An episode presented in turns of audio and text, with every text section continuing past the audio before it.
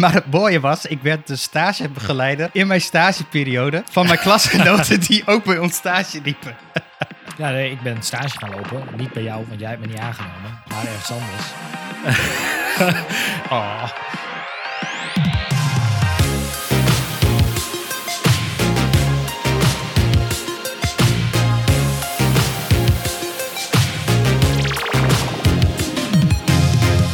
Welkom bij de Pixel Paranoid podcast. Ik ben Mikelle en samen met mijn co-host Rick gaan we alles behandelen rondom UX, UI en frontend development. En ehm, vandaag gaan we ehm, terug in de tijd. Ja. Toch? Ja, dat is het idee. Oké, oké, cool. Eh, maar daar- daarover later meer. Eh, laten we eerst naar de site gaan. Ehm, Ja, ik, Go kwam- ahead. Ik kwam, ah, ja, ik begin van mij iedere week begin ik met, ja, ik kwam iets tegen, want ik kom heel veel dingen tegen. Maar eh, eh, je kwam weer iets tegen en daardoor voelde ik me weer heel, heel dom. Ehm, namelijk een multi-select component. Ehm, je kent wel een formulier en dan heb je een select eh, component, zeg maar, in HTML. En dan kun je options ingooien Ja. en dan heb je zo'n select ding. En dan kun je één ding selecteren. Ehm, maar ik kwam erachter dat er ook iets bestaat als een multi-select component. Wist je dat? Ja, native ik wist dat wel. multi-select component. Ja, ja dat, dat wist ik. Dat Die- wist ik. Ik heb hem nog nooit in een webshop of Maar- in een formulier in gebruik gezien. Ik heb, ik heb ik, laat ik zo zeggen, ik ken hem. Ik weet dat hij er is. Ik heb hem alleen zelf nooit gebruikt. En ik weet eigenlijk niet zo goed waarom. Nee, maar je kunt dus eh, een select element maken. En daar kun je dan eh, de attribuut multiple is true opzetten. Nou, oké, dan, kun je, dan kun je vervolgens daar eh, options in gooien. En dan kun je er inderdaad meerdere selecteren. Maar je kunt ook die options nog weer groeperen. Want er bestaat ook nog iets als Oh. een opt group, een option group. Ehm, Hm. die kun je een label meegeven. Dus je maakt een select, dan zeg je multiple is true. Dan maak je een opt group. Daarin zeg je label is, nou, eh, weet ik veel, schoenmaat, noem maar wat. En daarin ehm, select, maak je volgens je options. En dat is dan, nou, ik veel, alle maten, zeg maar, kleding, kleuren, weet ik veel, you name it. En als je op iOS en op Android werkt, dat ook beide, ehm, heb je gewoon een multi-selecting. Als je daarop klikt, dan opent op iOS en op Android opent zich dus een pop-upje ehm, met jouw opties gegroepeerd met een label erboven. En je kunt dus uit meerdere groepen vervolgens meerdere opties selecteren. En op basis van nou ja, wat, wat je daar hebt geselecteerd, zou je bijvoorbeeld een, een- een call ergens heen kunnen doen om dingen te gaan filteren. Dat is wel nice. Ja, dus waar je normaal checkboxes gaat maken, zeg maar, of andere dingen, bestaat er dus gewoon iets als een multi-select eh, group. Alleen, ehm, ik ben wel benieuwd, want dat vind ik altijd wel lastig met die eh, eh, native elementen. Ik vind ze eigenlijk over het algemeen beter uitgewerkt op een mobiel device dan op een ja, desktop browser, zeg maar. Dat klopt. Hoe, hoe is de ervaring daar? Eh, dat is ook hier wel het geval. Dat, ja, Oh. ja, sorry. Eh, op, op, op mobile heb je inderdaad een heel mooi een pop-upje met die labels ertussen. Ehm, op desktop werkt het inderdaad eh, net even wat minder. Ehm, daar heb je, ja, dan ziet het er allemaal net even wat minder uit, zeg maar. De, de functionaliteit werkt wel hetzelfde, maar je wil daar eigenlijk, denk ik, ehm, misschien een andere implementatie hebben dan, eh, ehm, dan dat je op Ja. mobiel zou willen, op mobiel zou willen hebben. Ehm, ik kan me voorstellen dat je op desktop inderdaad eh, in een sidebar ehm, nou ja, gewoon al je, al, alle opties wil zien, zeg maar, waar je gewoon direct uit kunt, kunt kiezen. Als je nou wat ik bedoel, gewoon de checkboxes. Ja, ja, ja, ja. Ehm, ja precies. En op mobiel wil je gewoon onder één knop vaak filteren of zo. Klik je erop en dan opent zich nou, vaak een custom pop-upje met daarin dan al je filters weer. Maar dan kun je dus, dan zou je op mobiel dus een multi-select of een- ja, Multi-select, ja. kunnen, kunnen gebruiken. Dus ehm, ja, weer wat geleerd. Cool. Ja, ik heb het nog. Ik, maar ik heb serieus nog geen website gezien of een webshop die dit gebruikt. Maar het is gewoon, eh it, it works. Ik heb het getest. Nice. Nou, eh, weer, weer iets in de pocket om eh, in het achterhoofd te houden. Ja. Dus eh, Ehm, dat was hem. Eh, ik heb, eh, kwam een artikel tegen van ene Josh W. Como? Como? Como? I don't know. Eh, het is denk ik een, eh, een Canadees. Of nee, het is een Canadees. Maar het is- misschien is het een Frans-Canadees. I don't know. Eh, en die heeft een eh, artikel geschreven. Mhm. En heeft ook een tool gemaakt om realistische shadows te genereren. Ja. En hij noemt het een Shadow Palette Generator. Uh, nou heb ik in een eerdere aflevering volgens mij al een generator genoemd van ene Philip Brum. Ja. Uh, dat is volgens mij brum.af of iets. Nog wat. Ja, zoiets. En uh, het, het, hele voordeel van die generator was is dat je redelijk makkelijk realistische shadows kon genereren. Mm -hmm. En hoe werkt dat dan? Is dat je eigenlijk meerdere shadows over elkaar heen legt, waardoor je kan uh, layeren. Uh, en daardoor ziet het er wat, wat echter uit. Want normaal gesproken heb je één box shadow, zeg maar. En dat is gewoon, nou, die pak je een object, of dat nou een vierkantje is, een cirkel, whatever. Je maakt een hele rits aan uh, box shadows. Eén, één heel klein en één breder en nog een breder en nog een breder. Ja. En, en, met een steeds grotere blur, waardoor je niet ja, ja, al die lagen over elkaar heen tot een hele subtiele grote shadow. Uh, ja, precies. Want zo werkt het in de echte wereld ook, zeg maar. Ja. En, en normaal met, met box shadow, als je gewoon een standaard box shadow gebruikt, dan heb je eigenlijk één laagje. Die, die, die cast wel een shadow, maar dat ziet er niet zo heel realistisch uit. Nee. Want hoe dichter bij het object, hoe donkerder de schaduw en hoe verder weg, hoe zachter de schaduw. Mm -hmm. Nou, uh, daar heeft uh, die Brum toen een, een, een, generator voor gemaakt. En die Josh, die dacht van, uh, oké, okay, dat is heel cool, maar dat, het kan misschien nog wel wat beter, nog wat subtieler. En hij heeft een hele coole generator gemaakt waarbij je een aantal parameters hebt. Eén is de zogenaamde oemf. Ja, de oemf. heeft hij het genoemd. Uh, dat geeft aan hoe nou, punchy eigenlijk je shadow moet zijn, dus hoe sterk die moet zijn. Dan heeft hij nog een, een, een crispy filter. Uh, en dat geeft eigenlijk aan hoe, hoe soft of hoe sterk hij naar het, net naar het randje zeg maar, van je object uh, moet zijn. Ja. Uh, en wat heel tof is, hij heeft een soort uh, vierkantje gemaakt waarin je aan kan geven van, van welke richting komt het licht nou vandaan. Dus je kunt gewoon aangeven, ah, hij komt nu van linksboven, rechtsboven, rechtsterboven of, of rechterbovenop, of nou, whatever. Mm -hmm. Je kunt gewoon een positie aangeven. Um, en je bepaalt ook nog eens de resolutie. En wat hij daarmee bedoelt is eigenlijk hoeveel laagjes wil je genereren zeg maar, voor je shadow. En, um, uh, en dat legt hij ook uit, uh, normaal gesproken als jij een object hebt, uh, ik zet op tafel en die is bijvoorbeeld rood, rood glas of zo, en ik schijn daar licht tegenaan, nou, dan komt daar niet een zwarte schaduw vanaf, nee, er komt een rode schaduw vanaf. Een Ja. hele donkere rode schaduw. Dus die schaduw heeft een tint. Nou, ook die tint, die achtergrondkleur kun je meegeven, waardoor je dat verwerkt in die shadow. Nou, daar komt Oh. ehm, een, een, een zooi zogenaamde CSS-tokens uitrollen. Oftewel variabelen die je kunt gebruiken om in je hele website eh, ja, op een consistente manier shadows toe te passen. Ik zie het, inderdaad. En hij genereert ehm, drie elevations, dus drie, eh, ja, hoe, hoe ver is het object zeg maar, van de achtergrond af, hoe, hoe ver zit dat er vanaf? En dan heb je een low, een medium en een high. Ehm, en die kun je, door je eigenlijk door je hele project heen gebruiken. super cool. Eigenlijk is het, is het dan gewoon een iets gedetailleerdere versie van die eh Brum Ja. Shadows, zeg maar. Want ik, die, Ja. ik zit er even mee te spelen nu, maar je hebt die, eh, die Josh, eh, die generator van Josh, genaamd Shadow Palette Generator. Die heeft een hele ehm, smooth light position. Dus die plek waar je kunt kiezen waar het licht vandaan komt, Ja. kun je heel makkelijk, zeg maar, gewoon ergens op een in een vierkantje Beetje draggen. een beetje dragen. En die andere moest je inderdaad van links naar rechts sliden. Maar je wist nooit precies wanneer die nou achter in het midden zat, zeg maar. Tenzij je hem gewoon liet staan. Ja. Nou, nice. Ja, en ik vond die van Brum, die, eh, je kon daar ook een, eh, van nou, hoe snel moet die shadow aflopen en zo. Dat kon je wel instellen. Dus zo'n zo'n Bezier curve, zeg maar. Ja, en, Alleen ik vond, ik- dat, dat was altijd een beetje lastig en een beetje random of zo. ja, en, en- hoeveel en- layers je wil hebben. Ja, en, en bij deze piel je niet zozeer met die, hoe die shadow vorm eruit ziet, maar juist meer de positie van het licht. En dat is veel, ja, dat is veel logischer of zo. Ja. Ehm, nou, hij, hij krijgt ook de props van Brum, want hij zegt ook: Ik ben eh, eh, redelijk geïnspi- geïnspireerd door, door Philip Brum. Dus eh, Philip Brum zei ook van: oh, Awesome, dit, dit ga ik nu vanaf nu gebruiken. Dus, nou, super tof. En wat ik dus heel leuk vind, is: hij heeft dus ook een blogpost bijgeschreven. waarin hij uitlegt hoe hij nou hierop is gekomen. Ja. En een van de dingen die hij ook uitlegt, en daar wil ik eigenlijk in een toekomstige aflevering nog weer wat dieper op in, is over in plaats van met eh, een hexwaarde, heeft hij met HSL-waardes eh, gewerkt. Ja.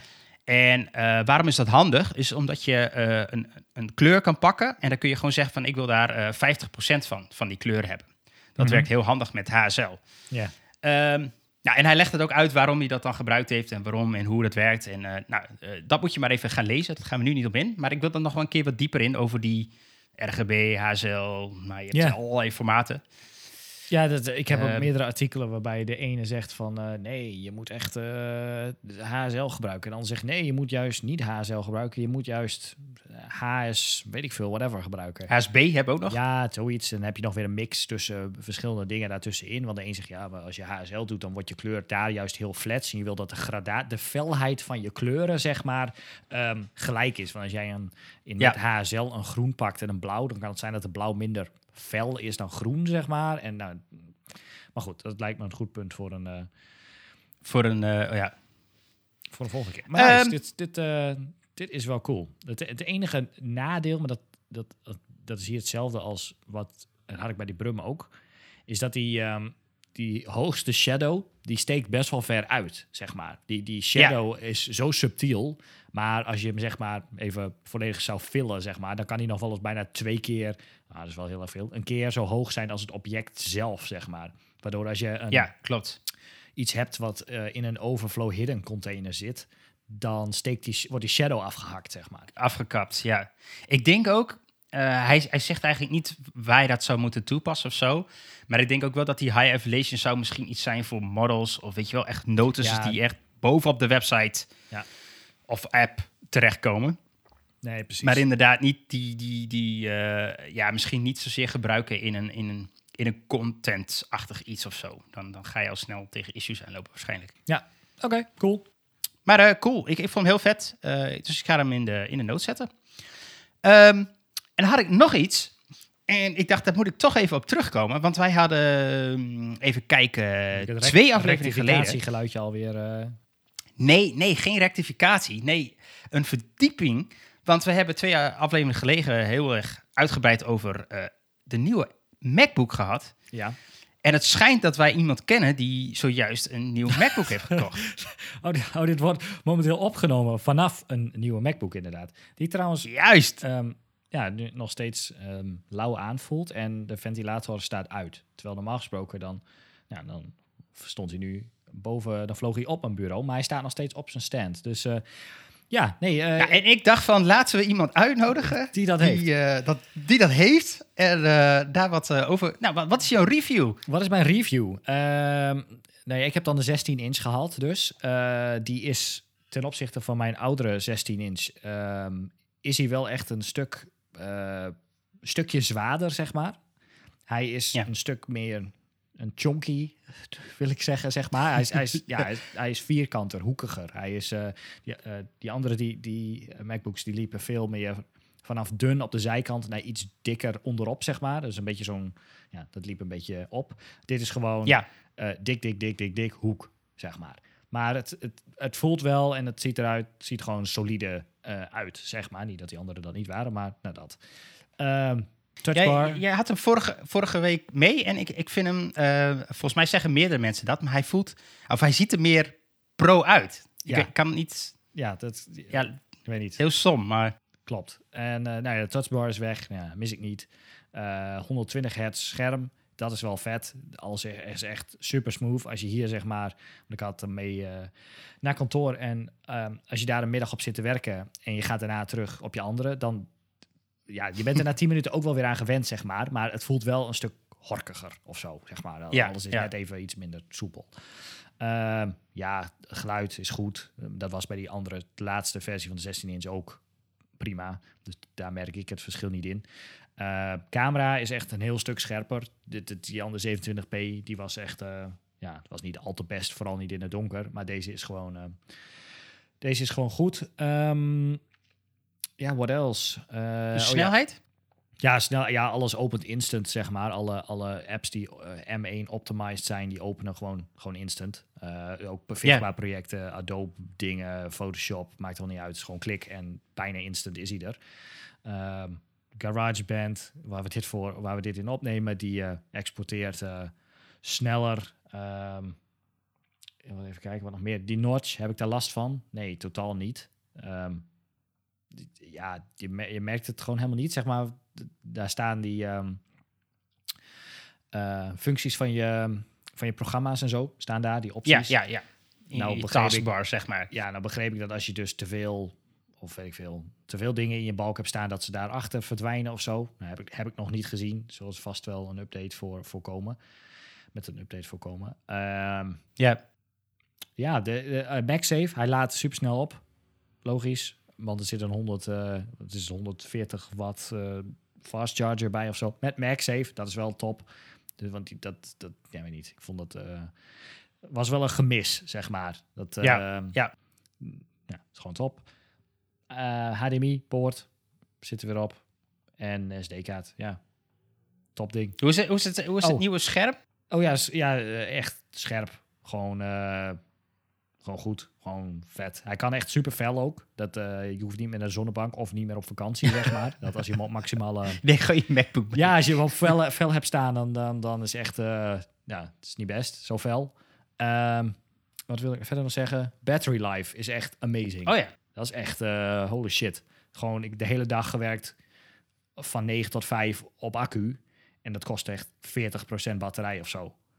En dan was ik gewoon, Ja, dat ik alles bizar. openstaan wat ik normaal ook doe met Teams calls tussendoor en you name it. En Teams is dan nog wel, Teams had ik wel even eh, draaien Microsoft Edge, want dat is een M1 optimized browser. Dus ik gebruikte de browserversie van Teams. Ja. Ehm, want eh, ja, Teams zelf is natuurlijk nog niet M1 optimized. Want stel je voor dat je dat in een jaar eh, zou kunnen doen, zoals alle andere apps. Ehm, ja, wat, maar misschien hebben ze dat niet gedaan omdat ze dus reageren op andere mensen ehm, hogere pri- prio had op de backlog. Want dat hebben ze dus wel gedaan. hè? Ja, nee, dat, dat hebben ze gefixt. Dat, dat is zeker zo. Ja. Eh, dus ja, eh, ik zit hier nu een beetje scheef, want ik mis dus een orgaan. Maar goed, ik, ik kan dit wel opnemen nu op een, ehm, op een nieuwe MacBook. Maar de, de grote vraag is, raad je mensen aan? Ja, uiteraard. Ja, ik, twijfel even, zeg maar. ehm, ik kom van een 2019 16-inch MacBook. Dus dat was een beetje misschien een overkill upgrade, wat nog lang niet noodzakelijk was, maar wel leuk. Ehm, maar als je iets ouders hebt, ja, het hangt er echt vanaf wat je doet, zeg maar. Als je een beetje loopt te internetten en een beetje video's loopt te kijken en een Word-bestandje opent, dan doet je MacBook eh, i, i5, i3 uit eh, 2015 het ook nog steeds dikke prima natuurlijk Ja, ja, dan tuurlijk. merk je daar helemaal niks van. Ehm, maar op het moment dat je wel ja, veel dingen tegelijk eh, ehm, doet en exporteert en, en bezig bent met dat soort dingen, dan merk je het verschil wel direct, zeg maar. Dus ehm, Ja, wij, hadden, wij hebben al wat, wat, wat, wat kleine testjes gedaan qua snelheden en zo. Maar dat, dat ding, dat blaast wel echt mijn, mijn MacBook uit 2018 gewoon weg, zeg maar. ja en, en, de ventilator gaat gewoon, gewoon niet aan, hè? Gewoon, Nee, ik weet niet. En die van mij is eigenlijk altijd keer, aan. eh, ja, ik heb hem gewoon nog geen enkele keer gehoord. Ehm, dus dat is wel, eh, dat is wel chill. En eh, ja, nadeel is, hij wordt dus niet warm, dus hij is heel koud op de bank. Oh. wat jammer. Ja, dus dan pak je wel... de- Ja, nee, ik gebruik die van mij vooral om eh, de kamer inderdaad hier op zolder eh, te verwarmen. Dat doet hij heel goed. Ja. Eh, dus ik hoef alleen maar Word op te starten en dan, dan heb ik het hier weer eh 21,5 warm. graden. Ja, precies. Ja. nee, dus Nee, maar ja, ik- ik- als je een orgaan kwijt kunt of je hebt geld over, sure, haal een MacBook. Allebei. Ik- ja, ik heb dan de Oké. 16 omdat ik gewoon een grotere scherm wel chill vond. Eh, maar de 14 is natuurlijk precies net zo chill. Ja, ja. Oké, nou cool. Ik, ik dacht, ik, van, ik wil daar nog even wat tijd aan, eh, aan besteden. Want eh, nou, dan hoor je het first hand wat we ervan vinden. Ja. Ehm, dan gaan we naar de main. En ehm, ja, we hadden eigenlijk zoiets. We hebben het volgens mij wel een beetje over gehad. Over vroeger. Dat was volgens mij de eerste aflevering. Een beetje over browsers en hoe het toen ook maar weer zat. Maar de vraag was eigenlijk: van hoe ben jij in de rol als UX'er gerold? En waarom? Ja. Nou, goede vraag. ja, nou ja, brand los. Eh brand los. Jeetje, het was 1992. Oh, is dit opa spreekt? Eh, nou ja, het is wel lang geleden. Maar ehm, eh, nou, ik, heb, eh, ik zal niet onder. ik heb altijd een fascinatie gehad voor computers. Al sinds dat ik volgens mij een klein deurtje was. Ehm, mijn oom die, die, was, die, die was al uh, diehard IT'er toen. Volgens mij een, een systeembeheerder van allerlei systemen. En die nam me wel eens mee. En mocht ik een serverhok in. En dat vond ik echt allemaal geweldig. ik bleef wel eens weekenden bij hem overnachten. En dan mocht ik allerlei spelletjes doen. En, want wij hadden... Ik zet maar even achter. We hadden wel een PC, maar ik op een of andere manier deed ik daar toen nog niks mee. En daar, moet het, daar hebben we het over dat ik zes was of zo, denk ik. Mm Zoiets. Dus volgens mij hadden wij wel een computer, maar ik vraag me af of ik daar iets mee deden. Misschien wel. I don't know. Uh, anyway, uh, ja, daar is die fascinatie van mij eigenlijk een beetje begonnen. En ehm, ik zit even te denken, wat heb ik toen... Ja, ik wilde die hoek wel in. Ik wilde daar iets mee mee doen. En uh, uiteindelijk kwam ik op mijn leeftijd dat ik mijn eigen computer kreeg. Uh, en ik denk, nou, hoe oud was ik toen? Ik denk 12 of zo. Had ik mijn eigen PC, zoiets, denk ik.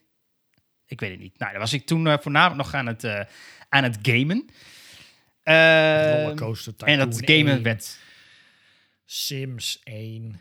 Of was dat nog? Nee, nee, nee. We hebben het hier wel over de tijdperk, denk ik. Uh, Oh, je zat nog... Mijn eigen PC, denk ik, Unreal Tournament en zo. Uh, oké, nou oké. Okay, Unreal Tournament 99. Uh, en Quake, Quake 3, Quake 2. Game dat was een beetje de games... Dat is, niet, nog, dat is nog niet eens de Game of the Year edition. dat was 2000, toch? Ja, ja dat, dat is 99. En daarna kwam een Game of the Year edition uit, inderdaad. Die heb ik heel veel gespeeld. beter gezegd, die heb volgens mij nog gespeeld toen ik op het HBO zat met klasgenoten. ja, die uh, ook nog. Hanze, dankjewel voor jullie netwerk. Maar los daarvan, ja, ik, ik ben veel gaan gamen. dat, dat, dat was toen echt wel veel. En, en toen kwam ook de tijdperk natuurlijk van MSN. En toen gingen we allemaal online. En um, um, op een gegeven moment was ik zoveel aan het gamen dat ik dat, dat het soort van dan ik even tussen haakjes semi-professioneel werd. Want ik ging op Europees niveau wars doen in de, het spel Metal of Honor Allied Assault. Oké. Okay. Uh, eh, dat heb ik nog best op hoog niveau gespeeld. nice. Um, en ik, had, ik zat in een clan. Ja, en een clan die moet natuurlijk een website hebben. en uh, zo ben ik daar eigenlijk een beetje mee begonnen. Ik ben, gaan, ik ben websites gaan maken voor clans. En uh, nou, dat, die, in die tijd waren er een. Kijk, we, dit is nog een beetje. Uh, wat hadden we startpagina, zeg maar, tijd. En, en, en. Nou, wat voor websites waren er nog meer? Google was er nog niet eens. Jawel, nou. Ja, Google was er wel, denk ik wel. Maar nog niet echt veel gebruikt, denk ik. Ja, dat nog niet zo groot was. Welk jaartal zitten we nu? Toen ik websites begon te maken, ik denk toen was ik 14. Uh, dan moet ik even gaan rekenen. Uh, nee. Dat is toen al? Dat is al 2000 dan. Nee, ik denk iets later. Ja, 99, 2000. 2001. Ik denk dat ik toen wel, ja, wel rond die tijd begonnen ben met uh, eerste websites maken. Cool. Dat is lang geleden. ik ben oud. uh, maar uh, maar dat, dat, dat, dat, moet je zo zien. dat is Photoshop, zeg maar iets maken in Photoshop, dat slicen met de slice tool, dat exporteer je, dat er kwam tables uitrollen. En, maar het mooiste was, dat waren zeg maar tables met opgeknipte images erin. Ja, ja, dat... Maar dat is natuurlijk een probleem. Dat is niet dynamisch genoeg, want je kon geen, geen teksten veranderen en dat zaten, die plaatjes zaten in de weg. Dus wat moest ik dat dit doen? Dat was, dat was het eerste wat ik deed, is van al die plaatjes die erin zaten, background images maken. Dat was mijn eerste. en dan gooi ik de tekst overheen. Ja. nou, dat waren de, uh, de eerste websites die ik maakte. En ik vond het heel tof, want ik weet nog dat die, die hele uh, gamewereld was allemaal best wel creatief. En uh, mensen gingen al, waren al bezig toen met uh, video editen. Van, van hadden we een, een, wedstrijd zeg maar online, dat werd opgenomen en er werd helemaal met muziek erachter en moest op, op YouTube geknald worden en weet ik veel. Precies, dan moest een rivaliserende gang moeten ja. natuurlijk wel zien hè, wat voor geweldige strategie er beoefend was aan, aan de Exact. ja. Dus, dus het was al best wel creatief. En ik was toen al, ik vond dat heel, eh, ja, ik ben helemaal in Photoshop toen gedoken en eh, dingen ontwerpen en eigenlijk, ja, sites gemaakt. Dat, dat, dat, is, dat is mijn, eh, hoe ik begonnen ben. Oké. Ja, de, bij mij is En het... bij jou? ik, niet, niet helemaal hetzelfde, maar ik begon wel... ehm, ik was wel altijd geïnteresseerd in computers en internet en dat soort dingen. En daar ben ik een stukje jonger dan dat jij bent. Maar dus ik heb het nou ja, nog vaag meegemaakt dat we floppies hadden, zeg maar. Maar voordat ik zeg maar Oh ja. echt nou ja, actieve herinneringen heb dat ik achter een computer zat, zeg maar, toen, toen was... eh, ik, ik denk dat... Nee, toen hadden we nog een inbelverbinding, dat wel, zeg maar. Oh ja, Eh, toen ja. zat er ergens een gat en toen opeens had ik een, hadden, hadden we een computer en had ik MSN. En dat, dan was nog de allereerste versie van MSN. Ehm, Ja. ja, toen ging je inderdaad een beetje... eh, op duur ging ik ook spelletjes spelen. Dus had je eerst Habbo en eh, RuneScape en dat soort dingen. En had je ook, Oh, had je ja, ook inderdaad RuneScape. had je ook gangs, Ja. clans en dat soort dingen. En dan had je, nou, je zat op zo'n fora natuurlijk. En dan had je, moest je natuurlijk wel zo'n signature hebben eh, als je daar postte. dus het moest natuurlijk wel een fancy signature zijn. Dus ik had altijd al wel dingetjes met ja, gewoon mooie design dingen, zeg maar. Dus dan ging ik inderdaad, Ja. eh, nou ja, toen nog templates downloaden in Photoshop. En dan zelf natuurlijk de tekst een beetje aanpassen en, en dat soort dingen. Dus een beetje van die signatures maken voor mezelf. En ehm, nou, op de duur kreeg je, kreeg je ehm, Twitter en, en, en Hives en eh, ehm, al dat soort dingen. Dan mocht je dan in YouTube natuurlijk, kon je Ja. eh, custom backgrounds en zo instellen. Nou, ik wil natuurlijk wel op Twitter zo'n zo'n fancy achtergrond hebben met mijn naam langs de zijkant en zo. En op YouTube maakte ik ook voor andere mensen, zeg maar, eh, van die banners. Want je kon ook eerst volgens mij de achtergrond van je YouTube-pagina nog aanpassen. En, ehm, eh, Kan ja, wel, ja. Ik, ik, ja, misschien wel, ja. En je had die, eh, ja, want eh, volgens mij kon dat, kon dat toen wel, zag die pagina zag er ook heel anders uit. Dan had je ook zo'n template inderdaad, van had je zo'n featured video en weet ik het allemaal. Ehm, en je had die headers inderdaad die je kon aanpassen. Dus nou ja, dat, dat vond ik toen al heel tof om te doen. Dus iets met gewoon design, dat soort dingetjes designen. Ehm, op duur was natuurlijk ook eh, voor vrienden en familie eens een keer een kaartje en al dat soort dingetjes designen allemaal. ja. allemaal toen nog Ja. TTP-werk, zeg maar. Ja, En, Ja. en online dus wat eh, dingetjes. nou ja, toen... eh, ja, ik heb dan groep 2 overgeslagen. Dat stelt niks voor. Maar goed, ik was nogal... ik was 15 volgens mij toen ik een opleiding moest gaan doen. Want toen had ik de, de HAVO al afgerond. Dus toen dacht ik, ja, wat, wat wil ik nou gaan doen dan? Ehm, en, nou ja, ik, ik wilde alles, ik deed al- altijd alles met computers en zo. En dus design, eh, kijken ja, welke opleidingen wil je dan, wil je dan doen, kun je dan doen. Nou, communicatiesysteem aan de Hanze was er dus eigenlijk de een, dat was dat, of ICT volgens mij. Of eh, IT, ja, Ja. ICT en, en nog iets anders. Maar dat was heel Bed- bedrijfskundige informatica of Ja, informatica maar- en die andere? iets in die gooi. Maar dat was zeg maar de hele, hele super technische kant. Ja. En dat was niet de web en de design kant, zeg maar. Het was meer de, de, Nee. de, de, ja, bedrijfsrobotica-achtige die hoek, zeg maar.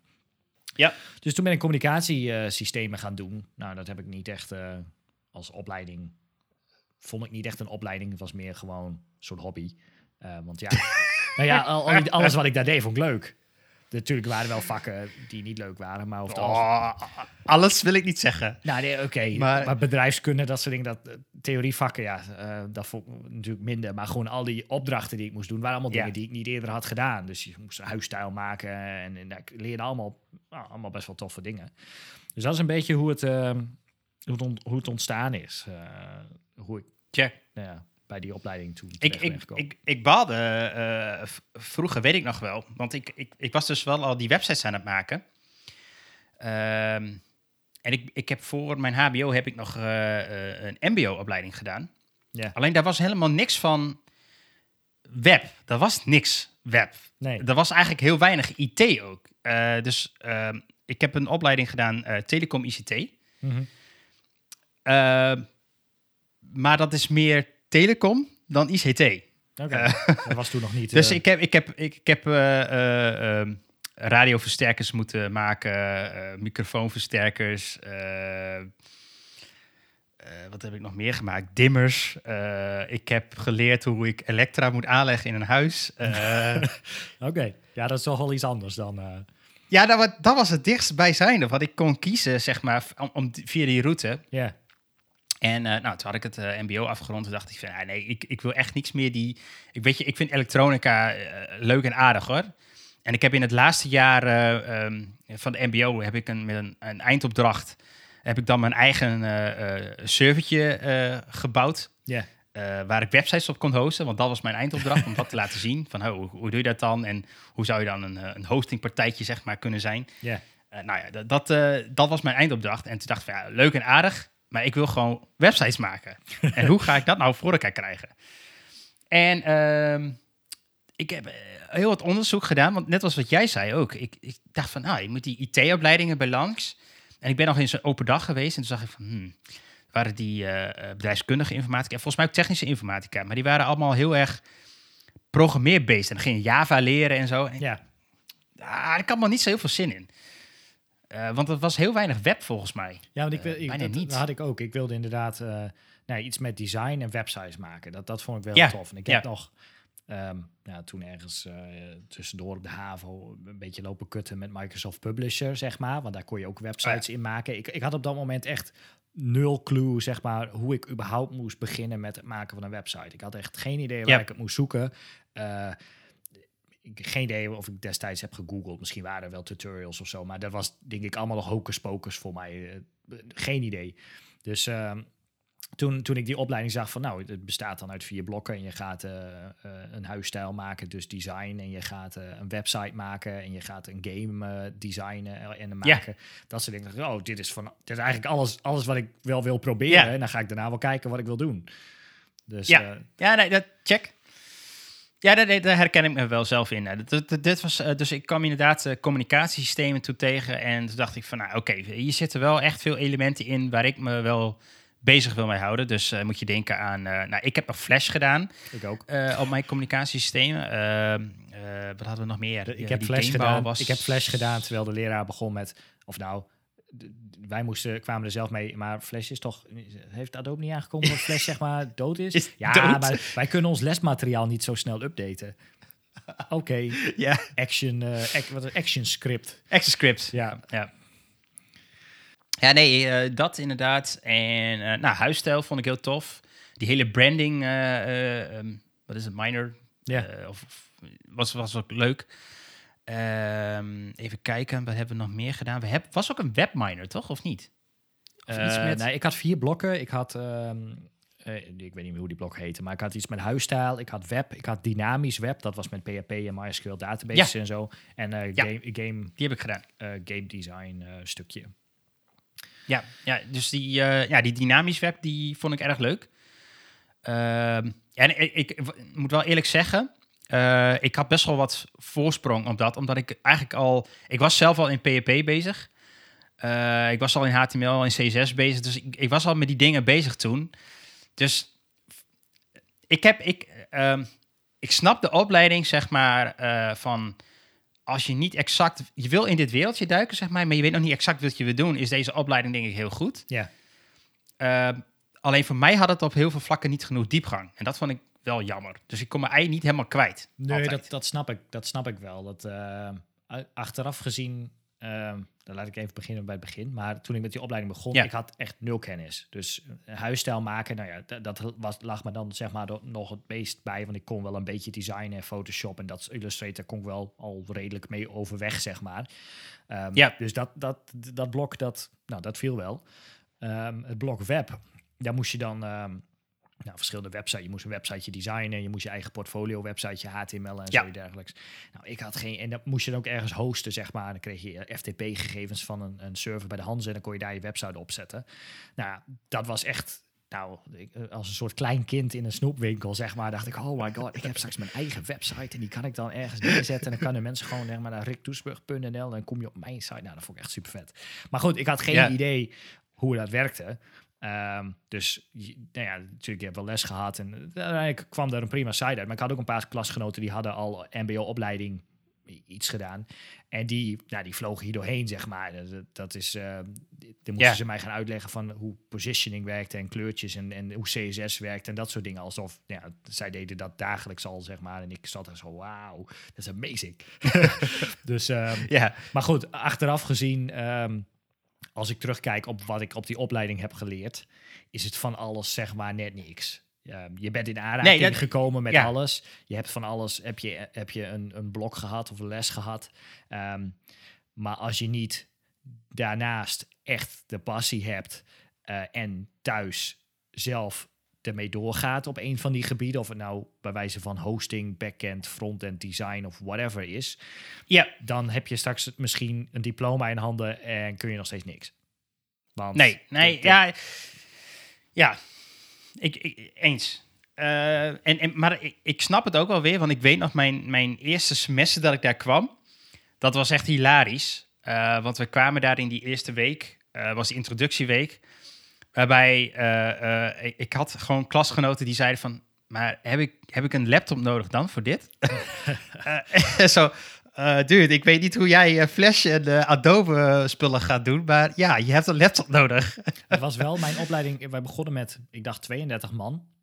En nou, voor kerst was Ja. echt de helft al gestopt. Waren we nog maar met 15 man of zo. Want inderdaad, Ja. het voelde wel een beetje als de opleiding. ehm, een beetje net facility management en zo. Iedereen die niet weet wat ze gaan doen, die gaan rechten facility management of nou ja, communicatiesystemen doen. Zo van ja, ik heb wel eens een laptop Ja. aan en uitgezet. Ja, dus het is wel een opleiding voor mij dit. Nou, en die liften dan zeg maar twee groepen mee. En op het moment dat ze dan zelf inderdaad aan de bak moesten, dan, eh, dan kwam het er niet van. En dan was dit toch niet zo in hun straatje. Eh, maar uiteindelijk hebben wij volgens mij, want er waren ook nog van die BSA-vakken, BSO, weet ik hoe dat heette, eh, die van die verplichte vakken of zo, BSV, geen idee hoe dat heette. Er waren pakken, eh, vakken die moest je verplicht halen, zeg maar, in Oh, een ja. jaar. Ja.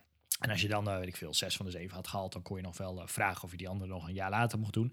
Maar uiteindelijk, ik denk dat we volgens mij met zeven man van de echt 32 of zo eh, het eerste jaar hebben afgerond. En de rest is allemaal Ja. gekapt, gestopt, weet niet, ja, nooit weer gezien. herkenbaar. Dus, Die, die eerstejaars, die, wa- die klassen waren echt huge. En eh, daar zeiden al docenten van, ah ja, er, er vallen wel een, een, aantal af. Maar Ja. ik had niet verwacht dat zeg maar twee derde zeg maar gewoon... eh, ja, je begon yo, met klas A tot en met F. En in jaar twee had je nog een A tot en met C. Ja. dat, eh, dat, dat is hoe het was ongeveer. Ja, nee, maar goed. Wat dat betreft is het wel een mooie opleiding als je je echt wilt oriënteren en je denkt van nou, ergens in de communicatiehoek en dan kun je, je kunt veel kanten op. Eh, laten we eerlijk zijn. Ik heb echt klasgenoten die volgens mij, of ex-klasgenoten dan, die, die echt eh, de communicatiewereld in zijn gegaan en, en beleid nu zijn gaan schrijven en weet ik veel. Dus ja, maar- ook die hoe kan je ja, één moest ik in ieder geval kiezen of je inderdaad communicatie wilde gaan doen. Of dat je eh, game design wilde gaan doen of web wilde gaan doen. Dat waren volgens mij de drie Ja. richtingen. En inderdaad, heel veel dames die zijn communicatie gaan doen. En een deel daarvan is nu inderdaad... Nou, sommigen zijn alsnog wel ehm, een beetje in de, in de programmeur, programmeerhoek gerold. Anderen zijn inderdaad communicatieadviseur geworden of ehm, business analyst of wel Ja. allemaal zeg maar in het IT, web, eh, dat ding. Soms Ja. Scrum Master geworden, zeg maar, of dat soort, dat soort dingen. Ja. En heel veel zijn gewoon ook, ja, de een is eh, serverbeheerder en de ander is allround dit en de ander is UX'er. Het is heel breed in ieder geval. Maar iedereen, ja, je komt met alles in aanraking en eh, de een heeft gekozen voor dit. Maar dat merkte je toen ook al heel snel in, in die projectgroepen. Weet je, de een die, die, Ja. ging, die zei, oh, ik doe wel de database en dat soort dingen. En dan zei, oh, dan ga ik wel designen. Nou, dat, eh, Ja, dus, dus alleen ehm, ehm, was, dit, was, de, was de opleiding dan ook voor jou eh, zo van een, een, een soort van bevestiging van, oh, dit is ook het pad wat ik in, in, mijn, in mijn carrière wil, of, of dat niet? Of Ja. was dat meer je, een side hustle, zeg maar, die daarvoor zorgde? Nee, nee, dat was, het, was wel echt, het was wel echt die opleiding. Want ehm, wat ik zei, ik, heb die opleiding niet als opleiding echt ervaren, zeg maar.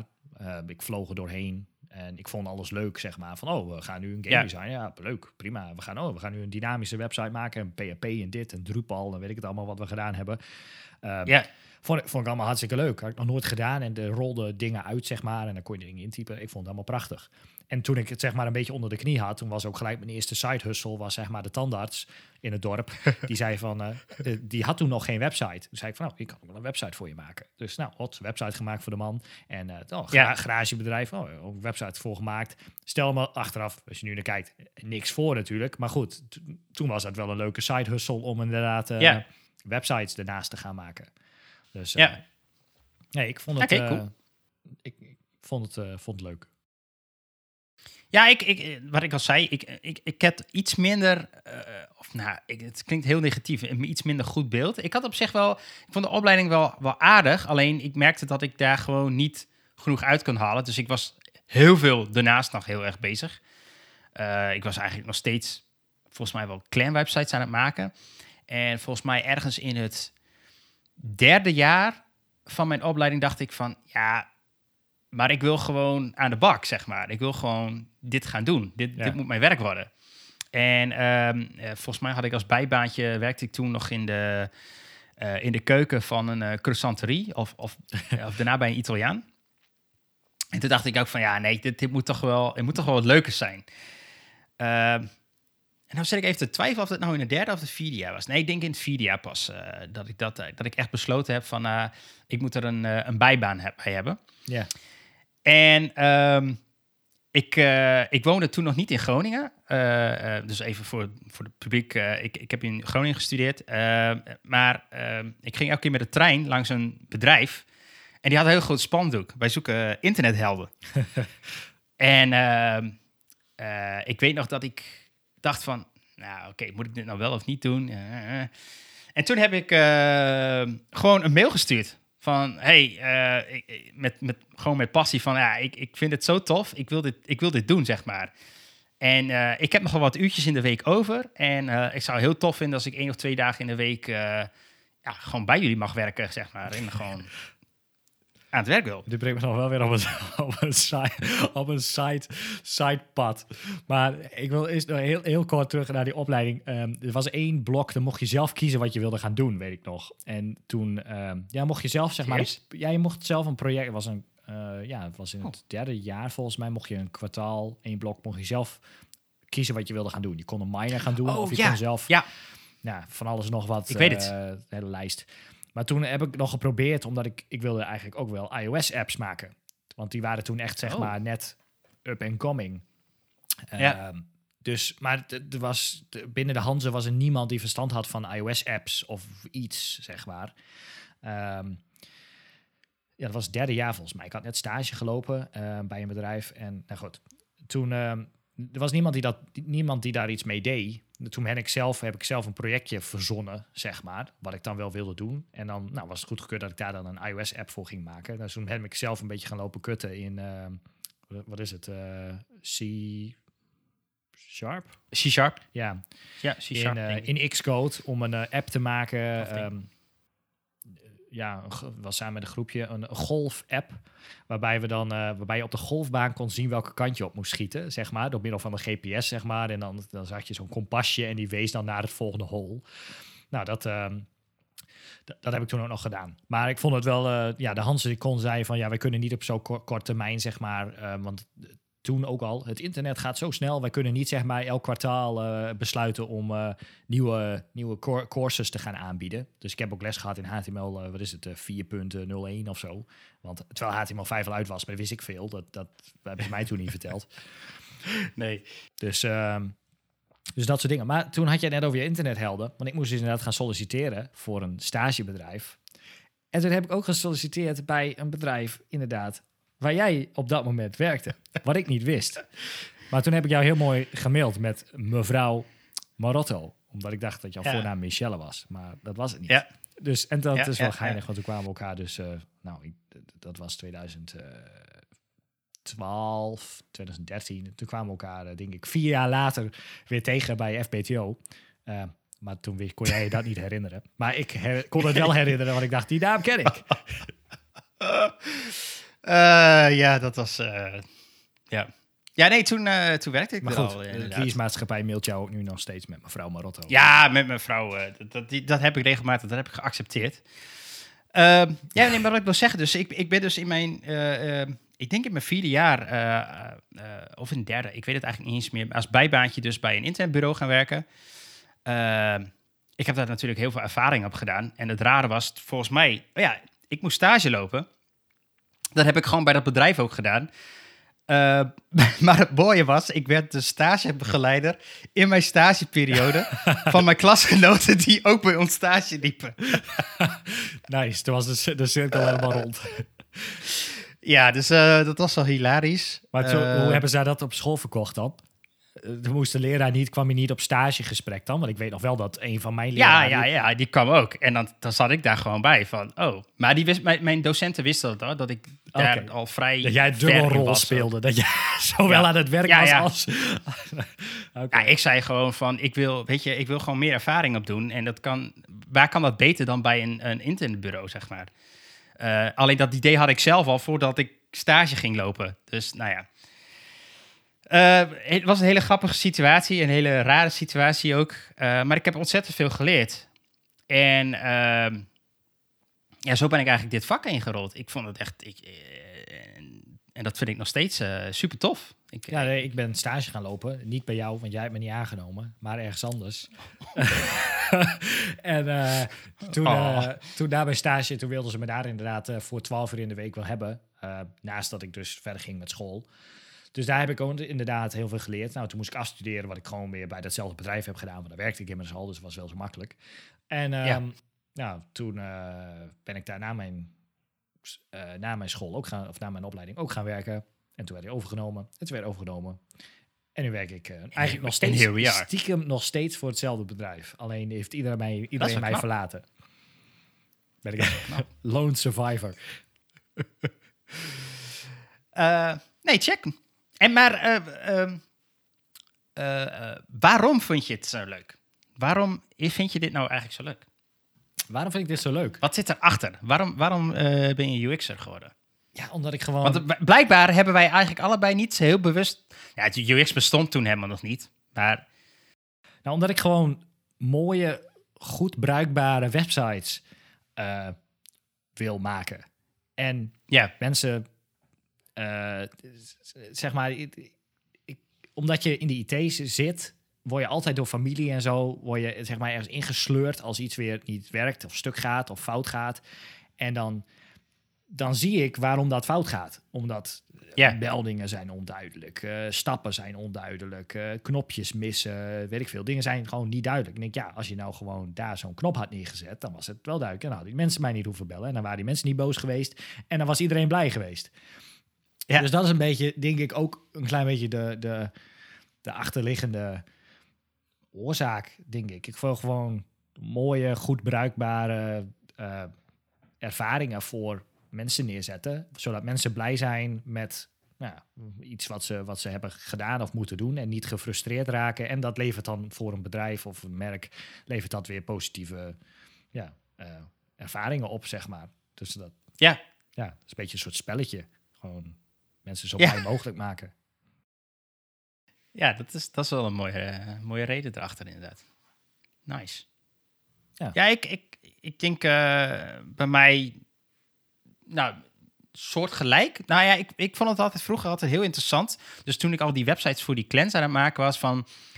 eh, er zijn nu mensen aan het rondklikken op iets wat ik heb gebouwd. En ik vond het altijd, altijd wel heel eng hoor, moet ik eerlijk zeggen. Want ja, die hebben ook allemaal een mening. En, van, Tuurlijk, en- ja. Maar daar begon, ik daar begon het ook wel gemaakt. een beetje, hè? want toen, toen was er nog geen UX, zeg maar. Dus toen maakte je gewoon websites en toen nee. boeide het niet of het contrast vet, vet druk was en Nope. of het allemaal wel bruikbaar was. Maar toen was het gewoon Ik- tof om, om een bedrijf, een, een oldschool fysiek bedrijf online dezelfde uitstraling te geven, zeg maar. Dat, daar begon Ja. het dan bij mij mee.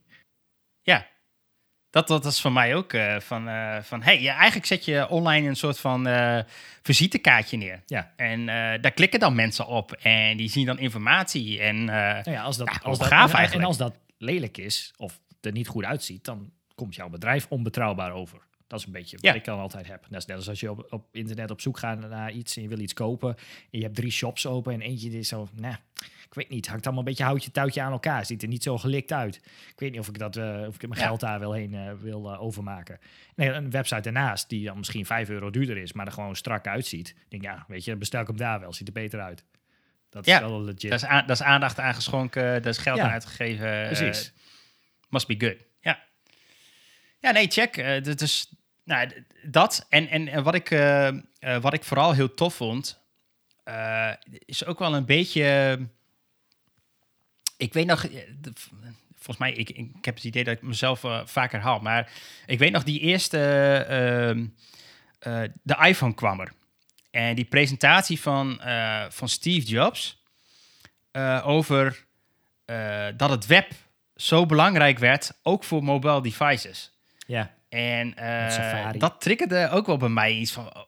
Wat, hoe vet dat iemand straks een website open heeft op zijn mobiel. Gewoon, dus niet vast aan een draadje, zeg maar, Mhm. wat we toen allemaal hadden.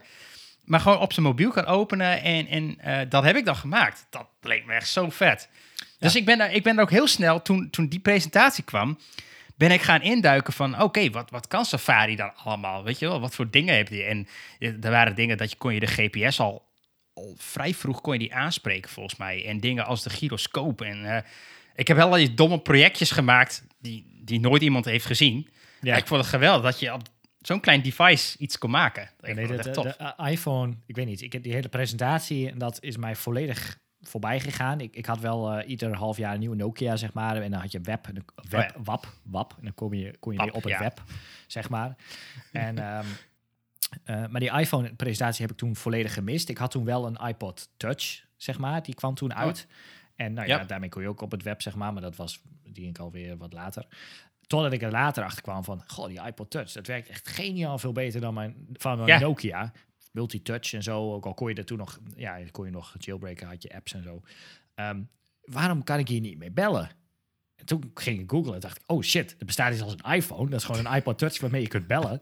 nou, toen kwam ik inderdaad op Marktplaats een gast tegen die zo'n ding had mee had genomen uit Amerika. Maar die kon hem niet meer gebruiken, want zijn simkaart, eh, want die dingen waren allemaal ehm, AT&T locked, zeg maar. Dus die Oh ja. verkocht dat ding. Dus die heb ik toen gekocht. Als IT-projectje uiteraard. Nou, en toen via Ja. zo'n jailbreak, allemaal, dat was toen al heel ingewikkeld met allemaal files en moeilijk en knoppencombinaties en eh, nou, hopen dat het goed gaat. En toen kon je dat ding inderdaad sim unlocken en toen kon ik hem gewoon gebruiken met mijn, weet ik veel, wat ik toen had. eh, simkaartje, zeg maar, mijn Nederlandse simkaartje. Nou, jongen, ik was daar, ik was helemaal, eh, helemaal de bom natuurlijk. Ik had De gewoon koning. een iPhone gewoon zelf gehackt, dat ik hem kon gebruiken in Nederland en zoiets dergelijks. Nou, helemaal de shit. Nice. Ja, Ja, nee, ik, ik, vond, ik vond die ti- tijdperk echt super tof. Ehm, en en ehm, eh, ik, ik vind het zo tof dat het web zo flexibel is, zeg maar. We, we kunnen tegenwoordig eh, webdingen op, eh, op, op je tv openen, op je, op je, op je watch. We hebben het in in onze auto's.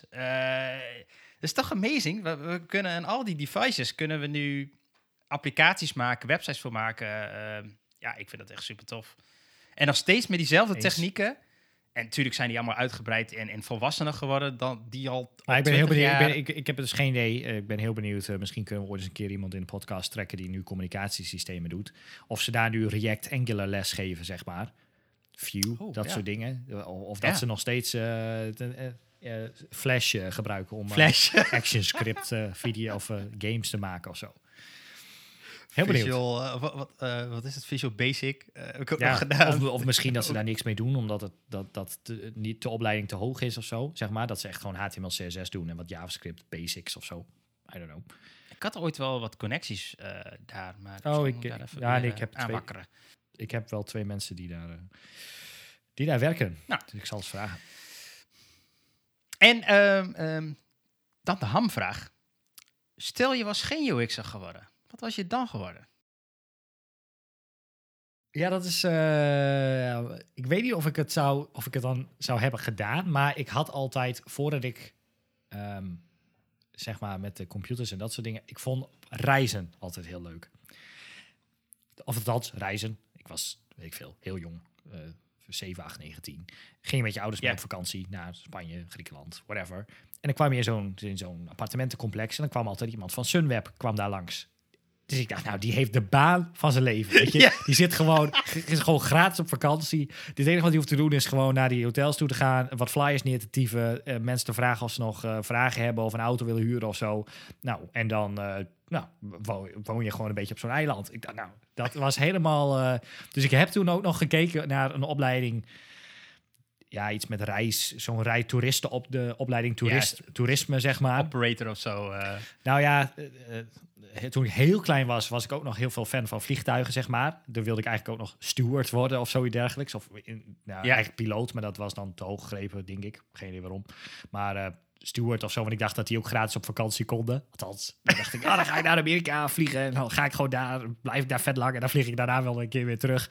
Eh, maar eh, ja, iets met to- toerisme of zo. Ik weet niet of ik het, of ik het uiteindelijk... Ik, ik, nu word ik daar niet blij van, zeg maar. Als ik nu denk van, goh, eh, zou ik mijn baan nu willen inwisselen om... dat te moeten doen, denk ik dat niet. Ik denk ik me dan eh stierlijk dood verveel. Dan ga ik daar websites maken. Maar stel, ehm, eh, stel eh, op een of andere re- reden, eh, weet ik veel, het internet gaat plat, eh, websites eh, doen we niet meer aan. Mhm. Wat zou, dat, wat, zou, dat, wat zou je dan doen? Oh, dan word ik autodetailer. Oké, oké. Ja, dan, dan, eh, dan ga ik... Ja, dat is dan nog een andere hobby. Auto's poetsen en zo. Dan, dan word ik gewoon autodetailer. Dus dan eh, kom je gewoon met je ransbak bij mij... en dan zorg ik er dat hij weer fatsoenlijk uit komt te zien, zeg maar. Nice. Ik denk dat dat, ik denk dat, dat nu een een realistischer... eh, ik, ik zou nu bij wijze van kunnen stoppen en dat kunnen gaan doen. Nou, daar red ik me prima Ja. mee. Maar dat is wel zwaar werk. Ja. Dus... eh, nee, beter, dat het, la- beter laten we het nog even zo. Laat het web nog maar even online.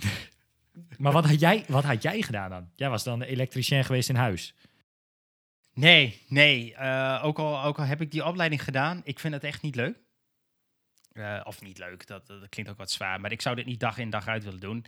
Ik eh, vind prima dat ik thuis eh, wat dingetjes kan fixen zelf. Sure. Lamp erin Leuk. draaien. Maar dat, dat, wordt geen hobby van mij, zeg maar.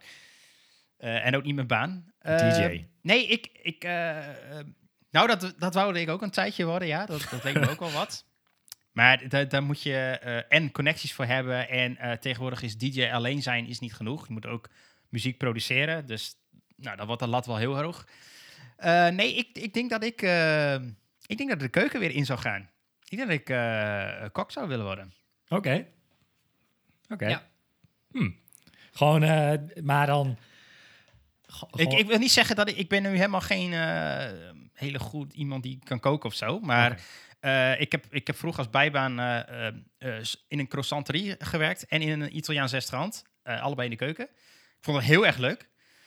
Eh, ik vind eten heel erg lekker. En ehm, ja, dit. nou, ja, ik, ik vind ook, ook, ik heb zeg maar heel veel, ehm, ik, ik kijk best wel veel programma's en shows als het, als het gaat om hoe maak ik, eh, eh, zeg maar op hoog niveau, Michelin-achtig. Die kant zou ik wel echt eh, op willen. Dat zou ik echt tof vinden. Ja, ik, Als- als ik- ik- als- ik- mijn bijbaantje was ook in de keuken van een cafetaria dan wel. maar goed, dan maakten we wel onze eigen snacks en zo. Ik, ja, ik vond het altijd wel, cool. vond het wel leuk. En ik vond het, het, het stukje horeca aan de voorkant, het beetje teamwork op elkaar inspelen, Ja. vond, ik ook, vond ik ook wel altijd wel een uitdaging. Maar Ja.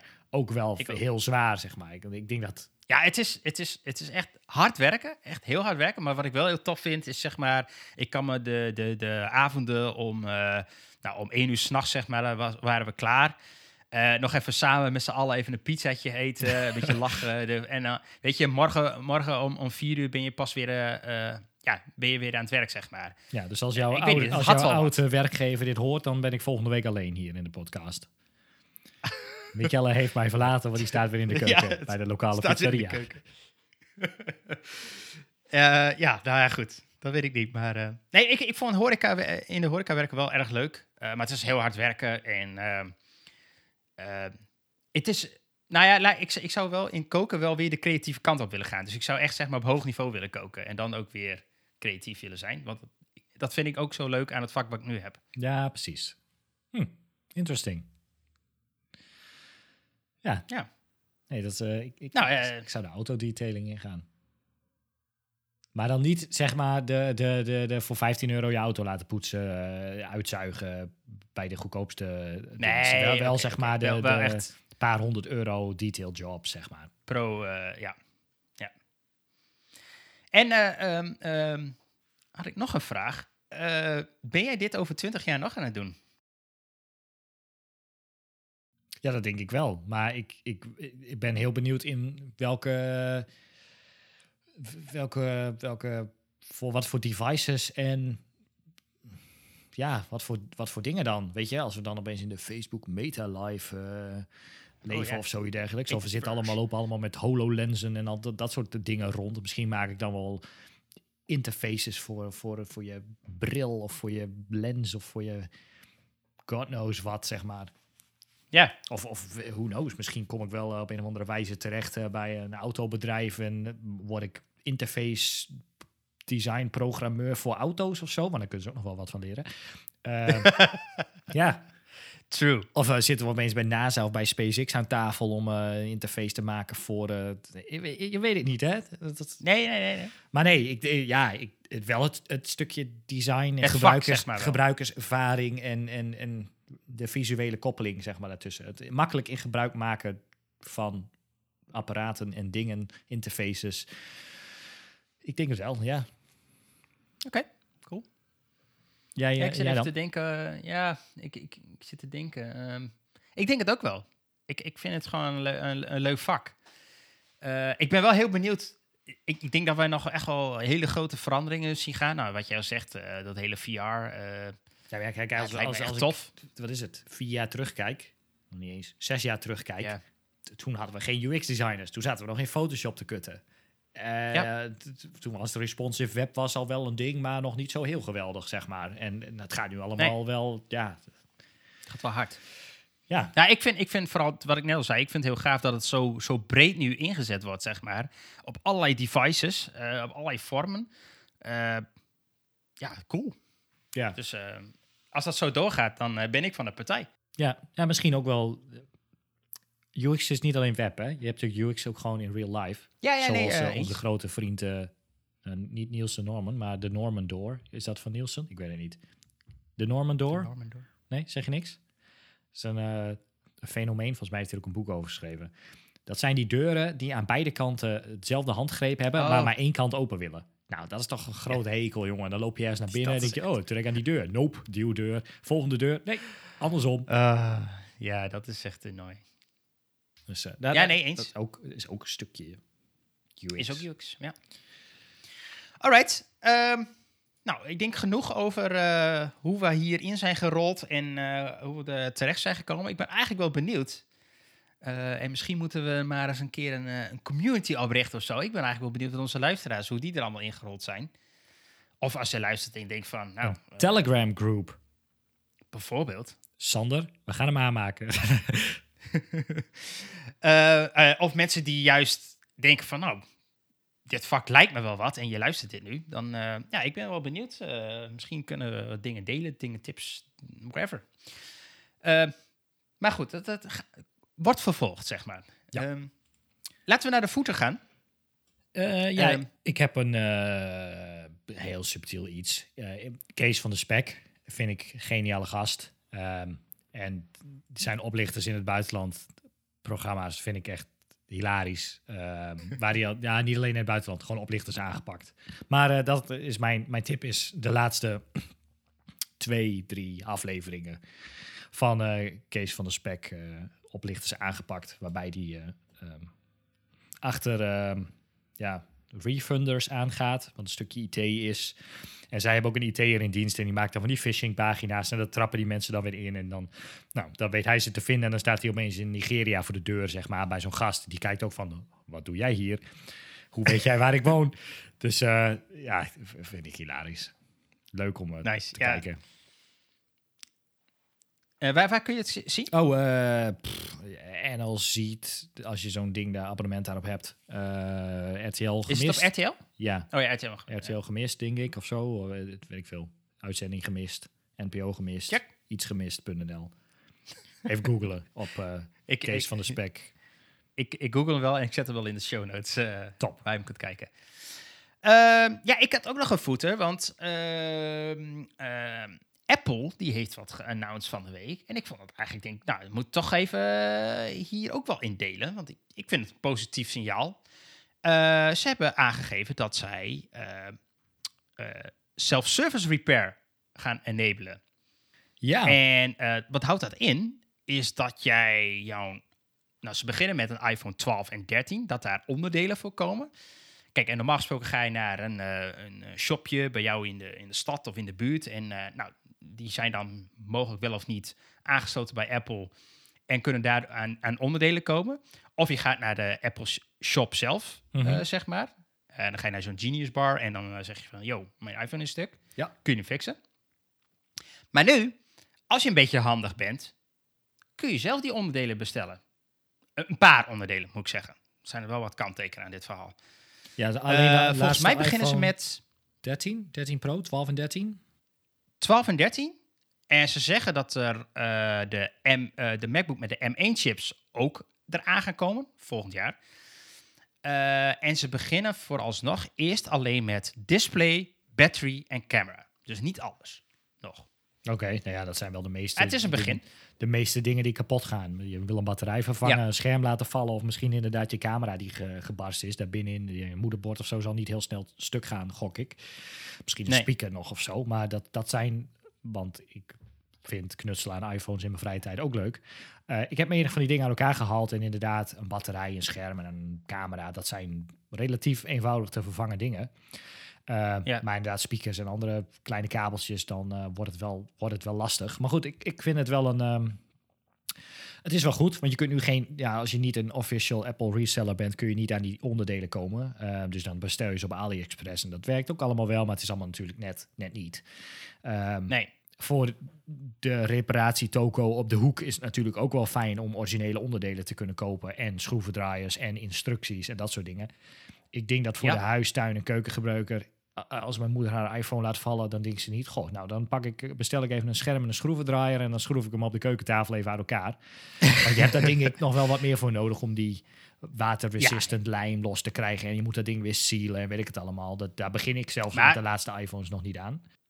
Ze, ze kregen ook wel eh, eh, al, al heel lang, want Apple heeft dit eigenlijk nooit echt gedaan. Nee. Kregen ze heel veel commentaar vanuit de, nou, laten we zeggen, de tech community. Mhm. Van, yo, eh, waarom kunnen we die devices niet repareren? Want op een gegeven moment moet je ze gewoon, eh, nou, gooi maar in de prullenbak, zeg maar. Ja, nee, dat is, dat is, dat is zeker waar. En, en, en ik las online dat ze, of dat mensen denken dat Apple hier gewoon eh, net een stapje voor de regulering in de EU is, zeg maar. Waardoor zij zeggen van, kijk, Ja. ons geweldig zijn. Oh, dat regel Nou, dat hebben wij al lang.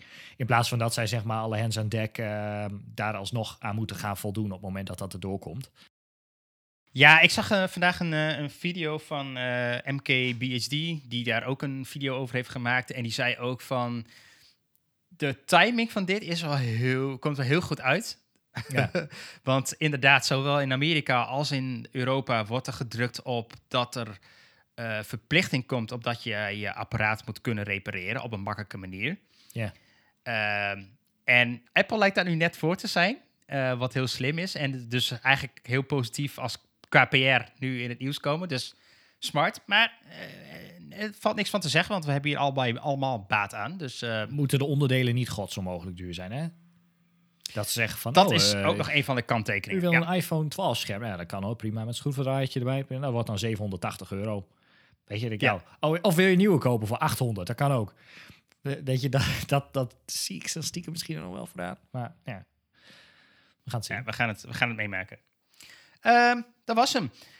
Eh, mocht je deze aflevering nou luisteren, ehm, abonneer je dan ook even. Eh, dat kan op allerlei verschillende apps, op allerlei verschillende locaties. Eh, Google Podcasts, eh, Spotify, Apple Podcasts, Overcast, you name it.